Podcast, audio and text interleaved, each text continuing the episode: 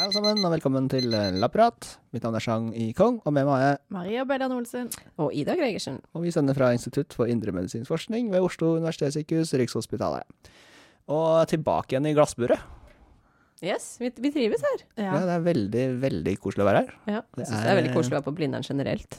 Det er gøy på en måte å komme seg litt ut av det sykehuset. Utflukt. Ja. Ja, for man får en liten ekskursjon ja. To, to stopp med trikken. Eller er det tre? Tre stopp. Det er faktisk tre stopp, altså. Tre stopp med trikken. Ja. For det, du lurte, dere lurte på om vi skulle gå i dag, men så var jeg sånn Nei, vi tar trikken. Ja, det må man jo når den står der klar og Fra dør til dør, faktisk. Ja, så det er da må man jo nesten hoppe på. Men det er eh, fredag ettermiddag når vi spiller inn denne episoden. Ja, Det har vært en lang uke. Ja, det har det faktisk. Jeg trodde det var fredag på onsdag eller sånt denne uka. Det har vært litt ekstremt. det hørtes litt ille ut. Da har jeg hatt det fint, altså. Men det var bare Jeg vet ikke. Det føles lang. Ja. Så vi skal bare si unnskyld på forhånd hvis Ja. det blir litt vims. Ja, absolutt. Og så er det Jeg må si det, jeg syns det er veldig godt å kunne eh, slippe alt på laben litt tidligere enn vanlig. Altså bare komme og gjøre noe annet. Ja. Det er Og- veldig fint. Å sitte her og pjatte er jo trivelig, da. Det er hyggelig. Man får liksom ikke pjatta så mye på laben. Man gjør vel det. Altså, Ja, men jeg, jeg er så veldig konsentrert. ja, men jeg var der. Jeg var der aleine i dag. Det var, altså, der jeg satt, da. For jeg drev og findissekerte noen sånn eh, blodårer fra mus. Og da har jeg, også, jeg, har, jeg, må jeg har også musikk på øra, fordi det er så gørr kjedelig. Ja. Men, så det kan hende at det var det andre. Så du signaliserer til egentlig alle rundt deg at jeg vil ikke prate. Ja, egentlig. Ikke Mm. forstyrr meg. Så da kan du takke deg sjøl. Ja. Så derfor ekstra trivelig å komme her og skravle litt. Enig. Men hva skal vi snakke om i dag, da? Ja, i dag skal vi snakke om eh, et tema som vi egentlig eh, jobber en del med. I hvert fall Mm. jeg. Eh, og det er fedme. Ja, vi har jo på en måte alltid vært innom det, føler jeg. Altså det er jo en sånn risikofaktor for ditten og datten, og så har vi snakket om lipider og fett og, Ja. og så videre. Ja. Det er absolutt relevant for veldig mye av det vi driver med. Mm. I hvert fall sånn indirekte. Det er jo en eh, risikofaktor for hjertesykdom, som vi jo jobber mye med. Um, og som man ofte Ja, og også for diabetes type 2, som vi også jobber en del med. Så det er jo på en måte en Ja, de har veldig mye fellestrekk, da, disse tilstandene. Um, og så er jo da, som vi skal snakke om, immunforsvaret og betennelse veldig sentralt i fedme. Mm. Uh, også noe vi forsker på. Ja. Absolutt. Men uh, hva er uh, Altså fedme, hva er egentlig det? Altså hvor vanlig er det egentlig? Ja. He, nei, fedme altså Det er jo def sånn definisjoner på hva er fedme. Og det er jo ofte litt sånn Det er sånne hva skal jeg si, helt konkrete teoretiske cutoffs for når man kaller noe at noe er fedme og eh, noe er overvekt. Og noe er normalvekt. Og da bruker man BMI, da. Eller Mm. kroppsmasseindeks, heter det jo på norsk. Det er liksom en internasjonal uh, be betegnelse på fedme. Det er hvis man har BMI over 30. Ja. Uh, og overvekt er da over 25. Mm. Så BMI er jo en eh, Sier jo noe om vekt i forhold til høyde. Ja. Så det er jo egentlig, altså formelen er jo ganske enkel. Det er jo liksom kilo en person veier, delt på høyde i annen. Ja. Veldig enkelt, høres sikkert litt komplisert ut. Men eh, eh, bare for å gi et eksempel, da, så er det f.eks. hvis du veier 90 kilo og er 1,70 høy, Mm. så har du en BMI på 31, altså definert at du har fedme, da. Ja. Mm. Så kan man jo diskutere litt om, om dette. Altså, vekt vil jo påvirkes av f.eks. muskelmasse. Mm. Så har du veldig mye muskler, eh, så trenger du ikke egentlig å være sånn Altså ha så mye fett, da, men veldig mye muskler, så vil du jo veie ganske mye. Og vil kanskje få en BMI som er i kategorien i hvert fall overvekt. Mm. Um, så man kan jo diskutere om det kanskje kunne vært andre definisjoner som var bedre for å treffe akkurat de personene man, eh, man ønsker å få i den kategorien, uh, f.eks. som uh, behandling Altså for um, hvis man skal definere, eller hva heter det, identifisere personer som trenger Ja, å sånn behandles, eller Eller sånn i i forskningen. forskningen, ja. Så da finnes det jo andre mål som kanskje kunne vært bedre. Det kan vi jo komme litt inn på. For det går jo på f.eks. på hvor fettet lagres på kroppen, Mm. da. Ja. Mm. Man leser jo og hører jo ofte eh, litt sånn skremselspropaganda, kanskje. At uh, verden har blitt yngre, eller uh, Ja, ja det, det, det stemmer egentlig det, da. At uh, i Norge så tror jeg man sier at fra 1970-tallet så har vekten i befolkningen bare økt kontinuerlig. ja. Så det er jo Snittvekt, da. ja, Eller gjennomsnittsvekten i befolkningen, da. Man har jo blitt høyere òg, da. Er det BMI eller Ja. vekt? Nei, det var et godt spørsmål. Det vet jeg faktisk ikke, altså. Um, Men uansett, da, så er det jo veldig mange flere med fedme nå enn det det var eh, før. Men når du sier fedme, da, da, mener du da innenfor denne BMI-skalaen? Ja, Mm. det, det, det er det. Så fedme er da BMI over 30. Ja, Så fedme definert ut ifra BMI, da. Ikke nødvendigvis eh, at befolkningen har fått mer fett på kroppen. Eller vet man egentlig det? Ja, det vet man. Jeg er ganske sikker på om man vet. Okay. Men eh, det kan nok være andre faktorer. Altså jeg ville tro I selekterte grupper så er det jo også flere som har fått mer muskler. At man var kanskje mye mer sånn tynn før, generelt. da. Mm. Så det er jo et poeng det du sier der. Men jeg tror ikke det er noe tvil om at den økte vekten i befolkningen er usunn. Ja. Og det gjelder hele verden, egentlig. Mm. Så normalvektig, som nå Det er jo da 18,5 til 25 på BMI-skalaen. Det er jo egentlig ikke normalvektig lenger, hvis man skal være litt sånn hva som faktisk er normalen. Mm. Stemmer det? Ja, det stemmer. Eh, I Norge så er det vel Det er litt forskjell på menn og kvinner. Men jeg tror det er Var det 20 eller 25% av menn, i voksne menn, da, eller i 40-årene eller noe sånt, som er normalvektig, da. Mm. Definisjonen normalvektig. Ja. Så, egentlig, hvis man skulle snakke mer riktig om det, så blir det ja, altså hvis du tenker på ordvalget, så Ja. vil jeg kanskje heller kalt det gunstig vekt, eller Ja. eh, foretrukket vekt, Mhm. eller foretrukket BMI, som det er, da. ja, Eh, altså, helsemessig foretrukket. Helsemessig, ja. ja. Men eh, jeg tror eh, man fortsatt kaller det normalvektig, ja. Ja. Mm. Men hvis BMI er et dårlig mål, eh, har vi noe alternativ? Eh, ja, jeg skal ikke si sånn uttalt at det er et dårlig mål, men det, det kan kanskje noen ganger putte personer i feil kategori. Mm. Eh, men jeg tenker sånn på befolkningsnivå, så er det jo et veldig enkelt mål, og sikkert eh, mye av grunnen til at det brukes, er jo at liksom høyde og vekt, det har man, Mm. og er lett tilgjengelig, og er enkelt å regne. Så sånn på befolkningsnivå, så tror jeg det er lurt å bruke det, fordi det, da får vi liksom tall eh, på mange personer, da. Uh, men ja, vi har jo andre mål. Uh, holdt på å si ganske mange mål, men et av de mest eh, kjente er uh, livvidde. Altså Mm. hvor, um, hvor lang, eller hvor, hva heter det? Omkretsen? Omkretsen. Ja, omkretsen rundt livet. Uh, og man bruker også ofte liv-hofte-ratio, altså Mm. ratioen mellom livvidden og hoftevidden, da. Mm. Uh, og det uh, er jo et eh, viktig mål fordi man vet at å lagre fett rundt magen Mm. er mer ugunstig, da, Så Ja. vi sikkert kommer mer inn på etterpå, enn det å lagre fett andre steder på kroppen. Mm. Eh, eller mer jevnt fordelt på kroppen. Mm. Eh, Så når man da på en måte har en indikasjon på at en person har en økt livvidde, eller sånn sammenlignet med hva man tenker er referanseverdien, eller en gunstig, helsemessig gunstig verdi, så er det eh, sett på som et godt mål for å eh, vurdere risiko ved den overvekten, da. Eller, Ja. Med tanke på det, så er jo BMI kanskje et litt dårligere mål, fordi det er jo litt avhengig av hvor man kommer fra i verden, så har man jo Mm. tendens til å lagre fett på forskjellige steder på Ja. kroppen. Ja, Så for eksempel eh, hvis vi tar meg, da, Ja. med gener fra Asia. Mm. Jeg har jo da større sjanse for å få fett på rundt magen, da, Mm. enn andre steder på kroppen. Så det er jo da det minst gunstige stedet å ha fett. Mm. Der får jeg fett først, så vet du det. Ja. ja, ja, men det stemmer det at det er eh, ulike etnisiteter eller ja, genetiske eh, faktorer som kan spille inn på hvor man lagrer fettet. Da. Ja. Mm. Men i studier er det jo ofte vanlig, altså i forskningsstudier, eh, å ha med andre mål enn BMI i tillegg når, når man skal studere dette her, da. Ja. Eh, og også hvis man er hos um, eh, alt på å si, i, i behandling for fedme, eller i, i Så er, vil man jo bruke andre mål enn BMI Mm. i tillegg. Ja. Du sa jo det, Ida, at det er økende forekomst av fedme i, på verdensbasis. Mm. Vet du sånn cirka hvordan det ligger an nå? Mm. Ja, eh, eh, av fedme så er det faktisk hele 12% av alle voksne i, i verden Ja. som har fedme. Eh, og i vestlige land så er det 25% også i Norge. Ja, Nettopp. men det er jo også økende i mm, det man kaller lavinntektsland, da. Så det er absolutt et problem over hele verden. Men altså ganske høy andel da, i den vestlige verden. Ja. En fjerdedel. Mm. Mm. Og så det var voksne? Det var voksne, ja. Eh, blant barn så er det eh, litt mindre, 5 eh, på verdensbasis. Mm. Eh, og, men faktisk 15-20% i Norge, da.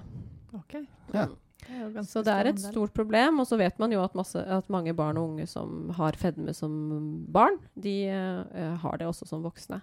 Så her er jo forebygging veldig viktig, da. Mm. Mm. Vet man hvorfor eh, det er økt forekomst av fedme nå, sammenligna med før? Altså, for, fedme er jo em, i bunn og grunn så er det jo uh, at vi tar inn mer energi enn vi bruker, Ja. som gjør at vi legger på oss Mm. uh, fett på kroppen. Uh, så i det store og det hele er det jo um, større grad av stillesitting og Ja. høyere inntak av uh, høyenergimat, kan Mm. man vel kanskje si. Mm. Så det er overskudd, rett og slett. Det er det. Generelt overskudd og tilgjengelighet på mat til alle døgnets tider. Eh, kanskje lite behov for eh, aktivitet. Mm. Eh, i før eh, holdt på å si i gamle dager, hvis man sier det sånn. Men så før i tida så hadde man kanskje mer fysiske jobber, eller man måtte bevege seg mer for å komme fra A til B. Mm. Det var jo mindre Eh, mat. Altså, ja, sånn man hadde dårligere økonomi mange steder. ja. Um, og nå finnes det jo også veldig mye ikke sant? Bare tenk på alle de tjenestene man har for å få mat på døra. Ja. Ja. altså sånn, ja, og også um, veldig, altså man kan få veldig mye energi for relativt lite penger. Mm. Um, ja, så det er um, Det er litt sånn samfunnsendring, egentlig. mm, det er Hvis det. vi sammenligner samfunnet i dag med på 70-tallet, for du, det var vel da du sa det Ja, begynte å endre seg? det er i hvert fall da har vekten gått uh, kontinuerlig opp i Norge siden det. Mm. Ja. Og var det der vi begynte med litt mer ferdigmat og sånn, eller bare gjetter jeg nå? Jeg har ikke noe sånt tall på akkurat det, men det er klart at eh, det har jo også vært økende, vil Ja. jeg tro.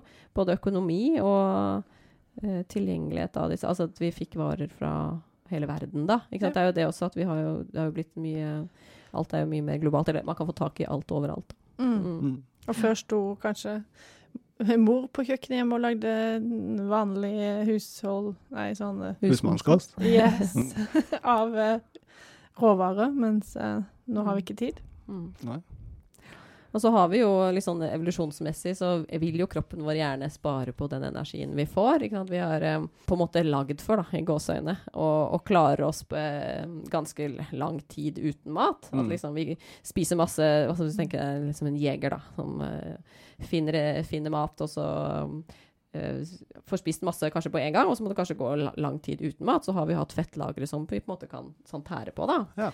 Eh, og i tillegg da er mye aktiv, ikke sant, som man uh, måtte være for å finne mat. Uh, mens nå eh, er på en måte ingen av de tingene sånn lenger. Vi Mm. trenger ikke det voldsomme fettlageret for å tære på, da. De fleste av oss, i hvert fall. Eh, fordi vi får tilgjengelig Altså, vi får mat hele tiden. Og så, ja, man, man er vel over litt laga til å ha lyst på fett. Man Ja. har lyst på sukker. Det er jo, man, ja, vi Mm. Jobber litt mot naturen her. Ja. Men at vi eh, skal på en måte eh, Evolusjonært sett skal vi tåle en liten sånn eh, periode med, med faste. Er det bakgrunnen for denne faste dietten folk driver med? Altså sånn eh, 5-2 eller hva det heter for noe? Ja, ja, altså den eh, Er det ja, bakgrunnen for eh, det? Fasting er så mangt, da. Det er mange varianter av fasting. Noen driver jo sånn 5-2, noen driver lang nattefaste. Altså det, Mm. det er et stort tema. Jeg tror nok noen eh, argumenterer litt for det, ja. ja. Vi må kanskje Kan snakke om faste Vi burde kanskje ha en eh, en episode om faste. Det er veldig i tida.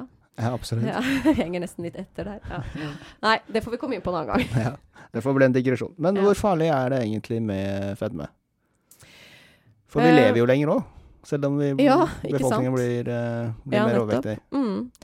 Ja, nei, eh, fedme kan ha veldig mange konsekvenser. Eh, Det vil jo selvfølgelig var, eh, variere eh, hvilken grad man har av fedme. Altså, man kan jo ha BMI på 30, og man kan ha BMI på 40. Og man kan i tillegg også ha andre sykdommer som spiller inn. Dette er jo komplekst. Um, men sånn litt enkelt forklart så kan jo fedme føre til um, mange plager og mange sykdommer, egentlig. Uh, den største byrden um, er det vi kaller kardiometabolske sykdommer. Altså konsekvenser for stoffskiftet vårt. Altså Mm. sånn diabetes type 2, um, høyt blodtrykk. Um, så, og disse to eh, øker jo igjen risikoen for, for hjertesykdom, som vi jobber mye med. Så den på en måte sekken der av sykdommer er jo den største byrden for personer med fedme. Um, fortrinnsvis voksne, da. Ja. Eh, men eh, det kan jo starte i, i ungdomsår. Eh, og så er det jo selvfølgelig eh, andre belastninger på kroppen hvis man er veldig tung. Sånn muskel- og skjelettplager. Mm. Eh, man kan ha fordøyelsesplager, respirasjonsproblemer, altså tungpusthet og, og sånn. Og hvis man har fedme, så kan man også ha økt infeksjonsrisiko. Og kanskje også bli sykere av de infeksjonene man får. Og så er det jo mye sosialt stigma knyttet til fedme, da. Nettopp. Jo, apropos stigma. For Mm. altså, det, er, det er jo vanskelig eh, å snakke om fedme, fordi man vet at det er eh, et, eh, ja, et vanskelig tema for mange, da. Mm. Og Ja. kanskje også spesielt fordi at det, det har, denne sykdommen da har en lavere status, jeg vet ikke hva man Mm. skal si, enn andre sykdommer. Ja, og jeg tror nok det på, av mange har blitt altså Nå er det litt sånn igjen, eh, litt sånn synsete kanskje, men at det har blitt sett på som at man har lav eh, kanskje impulskontroll, at man spiser for mye, og at man i gåsehudene bare skal skjerpe seg, liksom. Ja, det er ens Eh, egen feil. Ja, at det er dens egen feil. Men um, det er jo definert av WHO som en sykdom, Mm. eh, og alvorlig fedme krever jo i høy grad behandling. Mm. Så um, det er det jo viktig, tenker jeg, at Mm. folk vet. Ja, Mm. og så er det vel òg Altså, det er jo forskjell på, eh, på hvorfor man får eh, fedme også, eller Mm. utvikler Mm. fedme. Ja, Så for noen vil det òg være andre underliggende årsaker. det er klart. Og det er jo på en måte et sammensatt eh, Det er jo sammensatt, Mm. årsakene til fedme. Man vet om noen få gener eh, som kan gi arvelig Altså arvelig Mm. fedme, på en måte. Sånn monogene. Um, altså eh, der ett gen gjør at man utvikler fedme. Men det er sjeldent. Ja. Uh, og det er ikke årsaken til at verden har fått så mye fedme som den har nå. Um, så i stor grad så skyldes det jo livsstil, men det er jo klart at genetikk er en komponent her. Mm. Uh, det anlegget man har for, altså den gensammensetningen man har da, for å utvikle fedme. Ja. Mm. Mm. Og, og, for, og også andre sånn depresjoner, andre psykiske lidelser Mm. Absolutt. Vil jo eh, Det vil jo påvirkes av, Ja. eh, av det. Mm. mm, være risikofaktor. Mm. Vi har jo eh, fettdepoter mange steder på kroppen. eh. Er det Mm. noe forskjell på, på de? Ja, um, det er det jo. Um, og så har vi på en måte Vi har på en måte to store hoveddepoter, kan man Mm. kanskje si det. Eh, og det ene er det vi kaller subkutant fett, eller underhudsfett, Uh, som jo er det aller største. Mm. Det er egentlig Ja, det er vel sånn ca. 80 av fettet. Uh, og så har vi det som kalles viseralt fett. Altså ja, magefettet, kan vi kanskje kalle det. Ja, det er vel det som ligger rundt uh, organene. Indre organer. Ja. Ja. Først og fremst vil det jo bli liksom, ja, på magen eller i Mm. ja, bryst, brystregionen kan det også være. Uh, og det utgjør sånn 5-20 uh, Og så har vi bitte lite grann brunt fettvev. Mm. Eh, det har vi vel kommet inn på tidligere. Det er vel vanligst hos babyer, egentlig, hos mennesker. Ja. Eh, og det har en helt annen funksjon enn dette hvite fettet, som er egentlig det vi kaller fett i dagligtalen, da. Mm. Eh, det som er i eh, underhuden og eh, rundt organene. Og det brune fettet, det brukes jo til å generere varme. Ja. eh, jeg husker- det var i en annen episode vi hadde for ikke så lenge siden, Sjang, da snakka du om å drive og fryse. ja. At, Ja, ja. det kunne være bra. Mm. Ja. Og det gjør man jo da for å få litt mer Litt av det. Litt mer brunt fett. Ja, ja. For brunt fett brenner jo på en måte energi.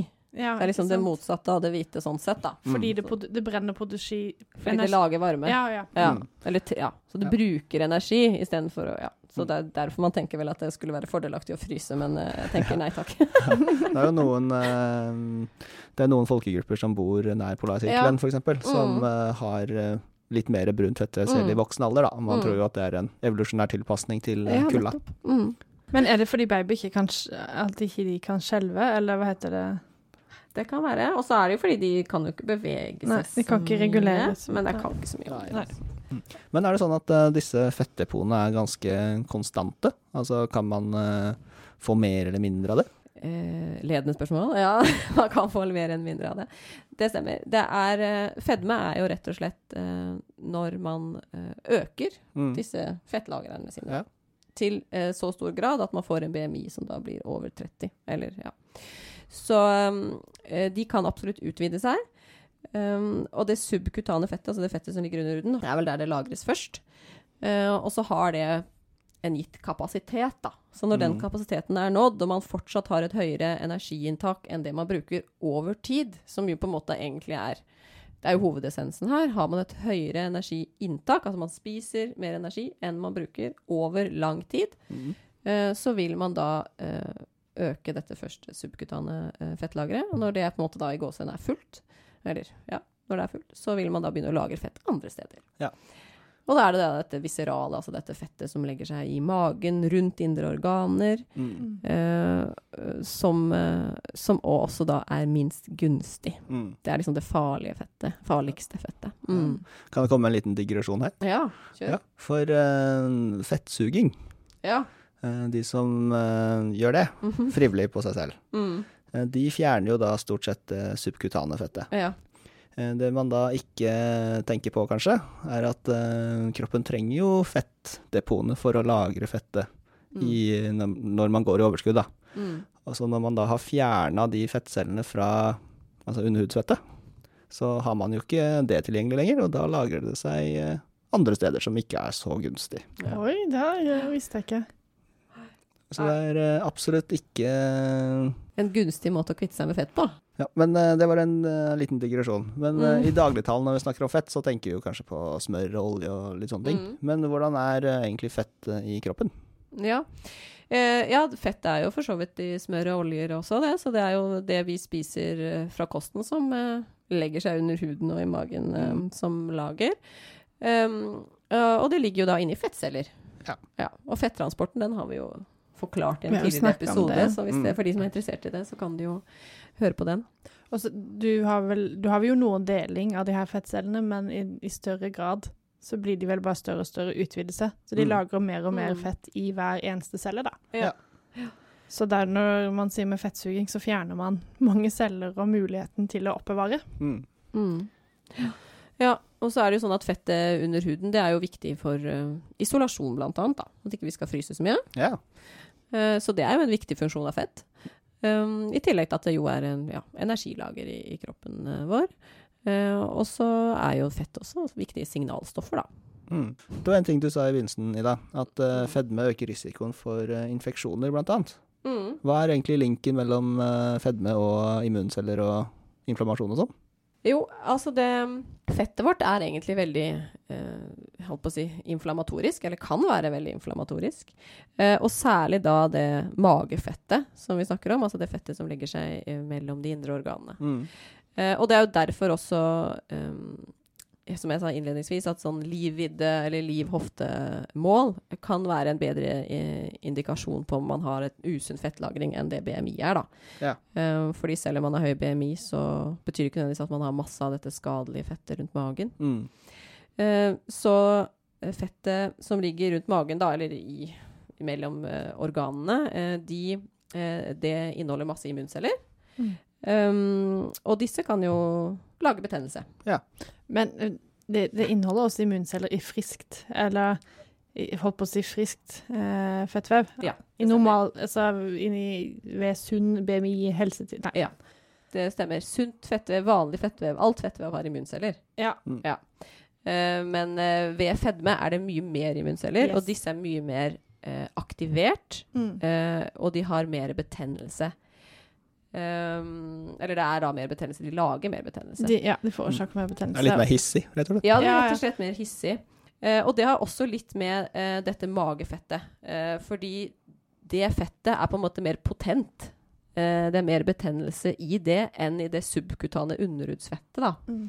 Eh, og det er jo eh, Ja, så det er derfor vi kaller det liksom mest mer ugunstig, det som ligger rundt magen. Mm. Så Mm. kommunikasjonen mellom eh, immuncellene og fettcellene, eh, den Den er annerledes der. Ja. Så vil man jo ha andre typer immunceller, eh, og mer aktiverte immunceller. Ja. Eh, og noen av, noe av grunnen til det er eh, at eh, dette magefettet har mindre evne til eh, å danne blodårer i seg. Ja. Mm. Så det har mindre oksygentilførsel. Ja. Så det vil få mer det vi kaller hypoksi, altså oksygenmangel. Mm. Eh, og det er jo på en måte en Det er en stressfaktor. ja, stressfaktor. og kan gi betennelse i seg selv. Ja. Eh, det kan gi celledød, som igjen gir betennelse. Og så Mm. har du denne onde sirkelen gående. Da, vet du. Og apropos ved celledød av fettceller, så frigis jo de eh, fettstoffene som er lagret i cella. Mm. Og de i seg selv kan jo være inflammatoriske når de kommer i kontakt med en immuncelle, f.eks. Mm. Men Mm. Chang, når du snakker om eh, de her fettsyrene som Mm. kan påvirke makrofagene så de blir mer eh, betennelsesaktige, Ja. da må vi jo nevne at eh, her kommer inflammasom inn. Ja. Vi har, pleier, ja, vi har jo tidligere snakka mye om det, Mm. Mm. men det her er jo en av de med i den her eh, sensormodellen mekanismen. Mm, absolutt, det er viktig her. Betennelsesfabrikken. Ja, Vi må heller ikke glemme at det finnes da noen fettsyrer som demper betennelse også. det er sant. Det er sant.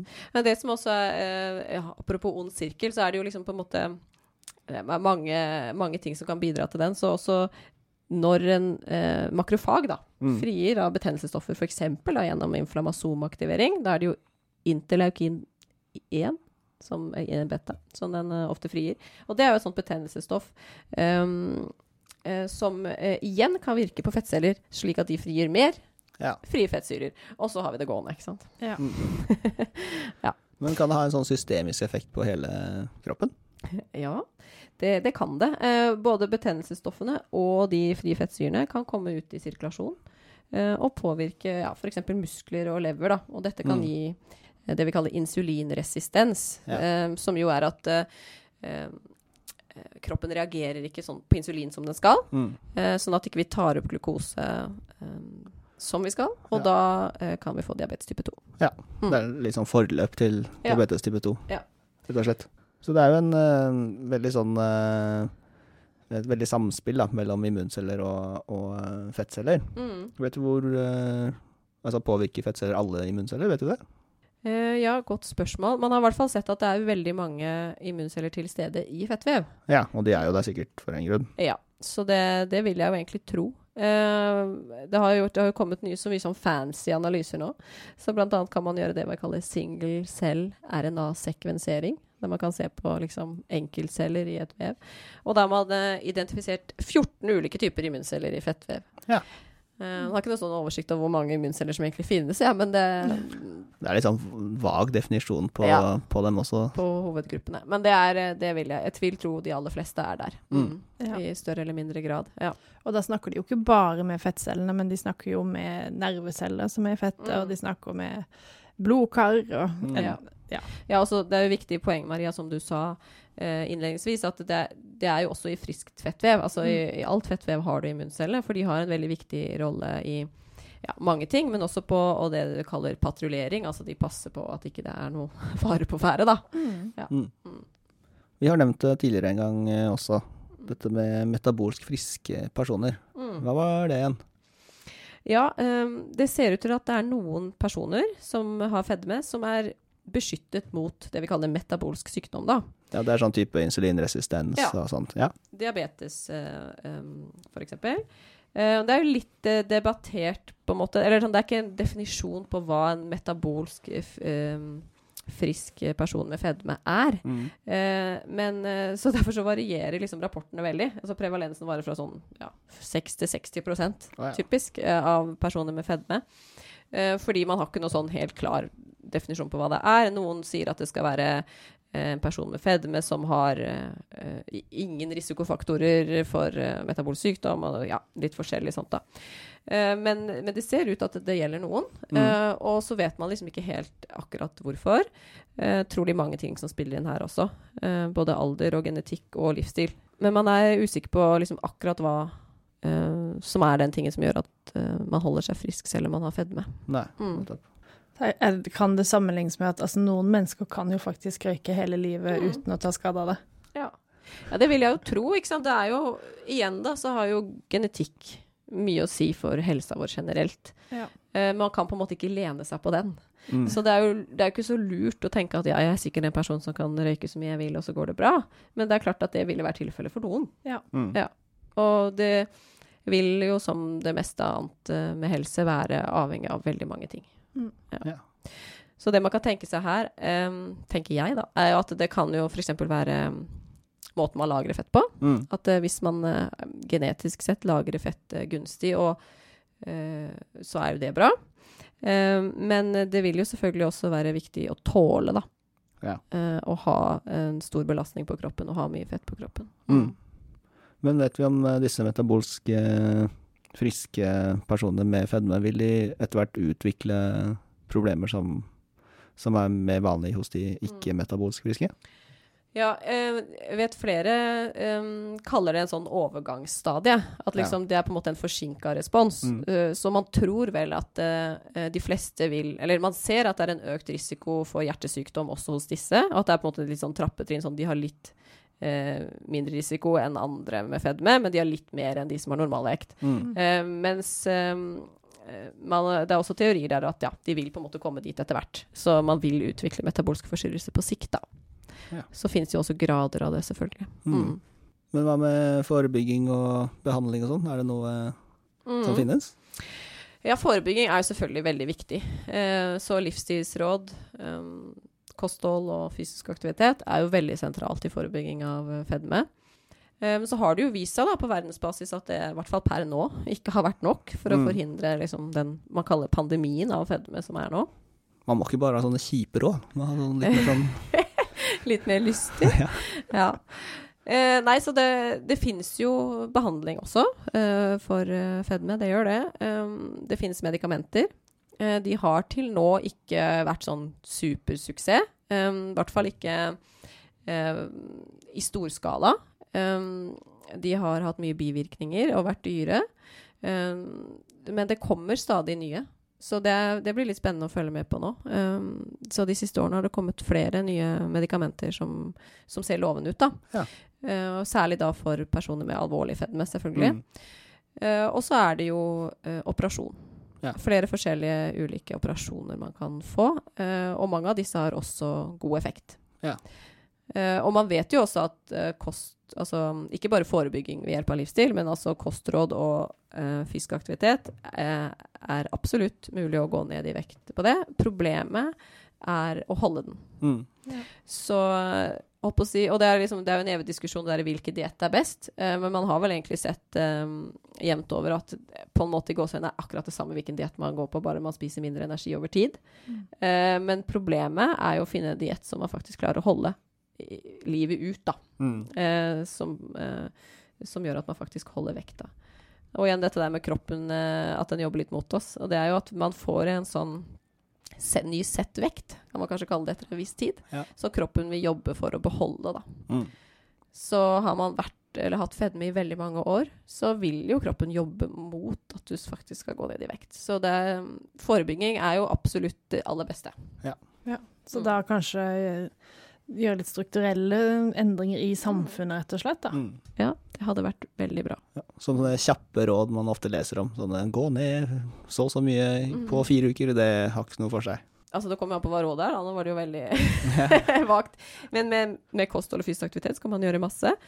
Eh, Men det er igjen det der å holde seg der. Ja, for det, det var litt sånn med tilbakeblikk på det du sier, at eh, hvis man har fått en, en, eh, en vekt som kroppen forholder seg til, Mm. så er det vanskeligere å få kroppen til å forstå at eh, nå skal du ha en ny vekt å Ja. forholde deg til. Det tar i hvert fall lang tid, Ja. så da må man holde seg Nå, nå har jeg ikke noe sånn akkurat tid på det, men det er liksom si du må ha den vekt, nye vekta i et år, da. Ja. Før kroppen igjen får en ny settvekt, og det varierer nok veldig. Um, og så er det da å ha på en måte en ny livsstil i gåsehudene som du kan leve med lenge nok til at du faktisk klarer å holde det. Mm. Uh, og når du også får en ny vekt, ser du går ned mange kilo, da, så vil du også få et nytt energibehov. Så det, det er veldig komplisert, da, Mm. uh, dette her. Men det fins absolutt hjelp. Det gjør det jo. Ja. Uh, mm. Og vår egen forskning, da. Fedme er jo en sånn, i, i mange av våre studier, en sånn bieffekt av at vi mater med atrogendiett, f.eks. Mm. Men vi har også studier som går spesifikt på fedme, har vi ikke? Ja, vi har jo det. Eh, vi har jo en musemodell hos oss som eh, har fedme. Eh, og det som er ekstra spennende med den, da, er jo at den har fedme fordi den har noen endringer i immunforsvaret sitt. Mm. eh, som gjør at den på en måte spontant utvikler fedme, selv om den tilsynelatende ikke ser ut til å spise mer eller bevege seg mindre. Eh, så er vi jo fortsatt veldig i stuss på hvorfor dette, hvordan dette er mulig, da. Mm. Så for det, vi vet jo, som vi også har snakket om, at eh, immunforsvaret er jo veldig viktig for eh, sammenhengen mellom fedme og utvikling av sykdom. Mm. Men vi vet ikke så veldig mye om immunforsvaret spiller en rolle i utvikling av fedme i seg selv. Mm. Eh, men det kan jo den modellen vår faktisk tyde på at det gjør, da. Ja. Uh, og det er det ikke så veldig mange andre som har sett tidligere. Mm. Mm. Det er et veldig spennende prosjekt som vi kanskje må snakke om en gang. Ja, vi har jo nevnt det før også, vi får håpe at vi At vi får får får ferdig den der artikkelen snart, så vi Ja, kan snakke sånn. litt mer om det. ja, vi kan snakke åpent om det. Ja. Men utrolig spennende. Veldig spennende. Og så er det jo viktig å uh, forstå mer om mekanismene bak, da, når dette er et uh, problem som gjelder såpass mange. Men da er det kanskje på tide med episodens Eureka. Yes. Eh, da har det blitt litt mye fett hatt i dag, men eh, det kommer til å fortsette med fett. I Eureka nå? Ja. OK. Så det blir en full episode med fett. Mm. Um, ja, og det, da, nå går det egentlig litt på trening da, og fettforbrenning. Mm. Så jeg har litt om mus og, og litt om mennesker. Ja. ja.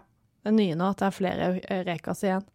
Eh, Jo jo, men det, det, det henger jo sammen, da. Det henger sammen. Men ok, så da begynner vi med musestudiet. For forskere fra Karolinska instituttet, de har da utført en studie som ble publisert i PNAS, dette tidsskriftet. Og da har de trent mus på tredemølle til ulike tider på døgnet, og sett hva som skjer i fettvevet. Mm. Så mus de hviler jo mest på dagen, og så er de aktive på natta. Så da altså motsatt av oss. Mm. Altså de fleste av oss, i hvert fall. Og det de fant, var at trening på natta, mens musa da vanligvis er aktiv, Mm. det førte da til en umiddelbar effekt, hvor fettcellene de starta med å bryte ned det lagra fettet og sende ut i blodet. Ja. Om da, om de trente musene på den tida hvor de egentlig skulle hvile, Mm. så fikk de ikke den effekten. Og i tillegg så sjekka de jo da om det her kunne være påvirka av faste, men det var det ikke. Nei. Så det var rett og slett når på døgnet de trente. Så det er hormoner da, som spiller inn der, kanskje? Ja, eller circadian clock. Ja. Hva heter det? Døgnklokke, døgnrytmeklokke. Ja. kan si Døgnrytmeklokken som vi har. Ja. Men det er jo mye hormoner inni der. ja, det er en del hormoner inni der. Mm. Men da, så er det nå kommer over til menneskene, et lignende studie der. Og det var da mm, forskere i USA som har um, gjort det her, og publisert i Frontiers of Physiology. Men der har de satt opp et forsøk uh, hvor de trente de, de forsøkspersonene de trente på morgenkvisten mellom klokka seks og åtte, eller på kvelden mellom halv sju og halv ni. Mm. Og den treningseffekten, den varierte også her, etter når på døgnet man trente. Men hva slags effekt man fikk, var avhengig om man var mann eller kvinne. Ja vel. Ikke sant? Så for menn så var det ganske likt som det studiet i mus.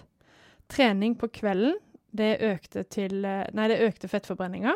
Men, eh, men hos mus så er de jo aktive på kvelden. Mennesker er jo aktive på dagen. Jo, men tror du det? Altså, de aktive, altså at vi klokka, klokka seks om morgenen, da har du akkurat stått opp? Ja, ja, jeg, da har jeg vært opp igjen, det.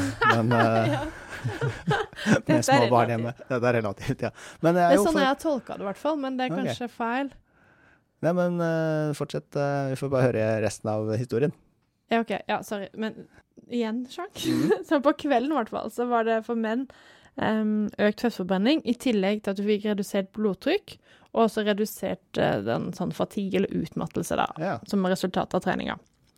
Mens for kvinner så var det da morgenøkten som var mer effektiv for å redusere magefett og blodtrykk. Mhm. Mens kveldsøkt, det økte da muskelstyrken. ja. Okay. Så det var jo litt interessant. Mm. Men Vi er ikke eller, ferdig med hadde dere noen kommentar her? Jo, altså Det jeg, er bare sånn det blir så komplisert. Nei, ja, men jeg er litt stuss for, for eh, mus de er jo nattaktive, ikke sant? Så, men vet vi når på natta de gjorde de, de museforsøkene? Var det sånn tidlig på natta? Jeg tror det var sånn type Ja, det, det vet jeg. Det, vet, det, vet, det, det burde jeg huske, Sjank, men det, det, det gjør jeg ikke. Ok.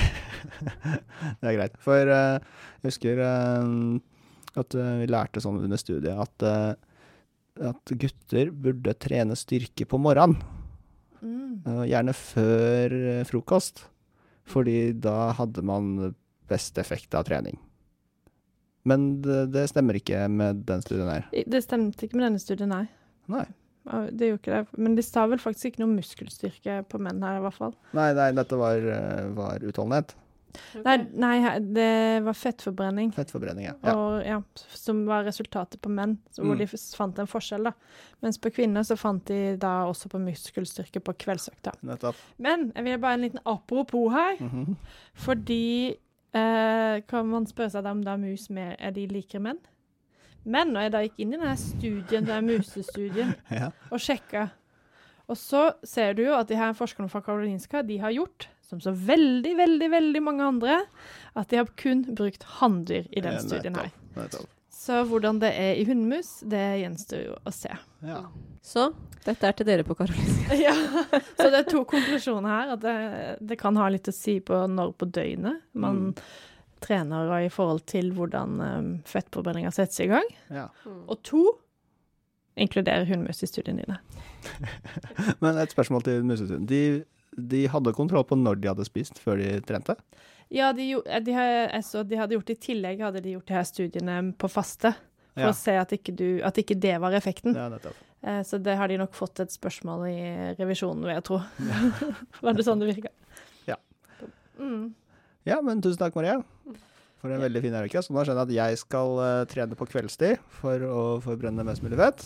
Ja. Mens dere skal trene på morgenkvisten for å forbrenne mest fett. ja. Men så er det jo veldig Eller på viktig kvelden for å øke muskelmasse. Ja, vi trenger jo å øke muskelmasse også. Det er jo svært viktig når man går inn i alderdommen. Nettopp. Guri malla. Skal ikke være lett. Nei. Men igjen så er jo det her på gruppenivå, så vi kan jo være forskjellige på individ. Ja. Det beste er å hvert fall, ja, Det er bedre å trene enn å ikke trene. Jeg tenker Ja. det er det aller viktigste. Og så kanskje trene når du faktisk har lyst. Ja. Og tid. Ikke minst. Det er rådet fra oss. Men tren. ja. Men før vi går, må vi kanskje minne våre lyttere om at dere må følge oss. ja, veldig gjerne. På Twitter, Instagram og Facebook. Og så blir vi veldig glad hvis dere gir oss en rating, sånn at enda flere kan finne podkasten vår.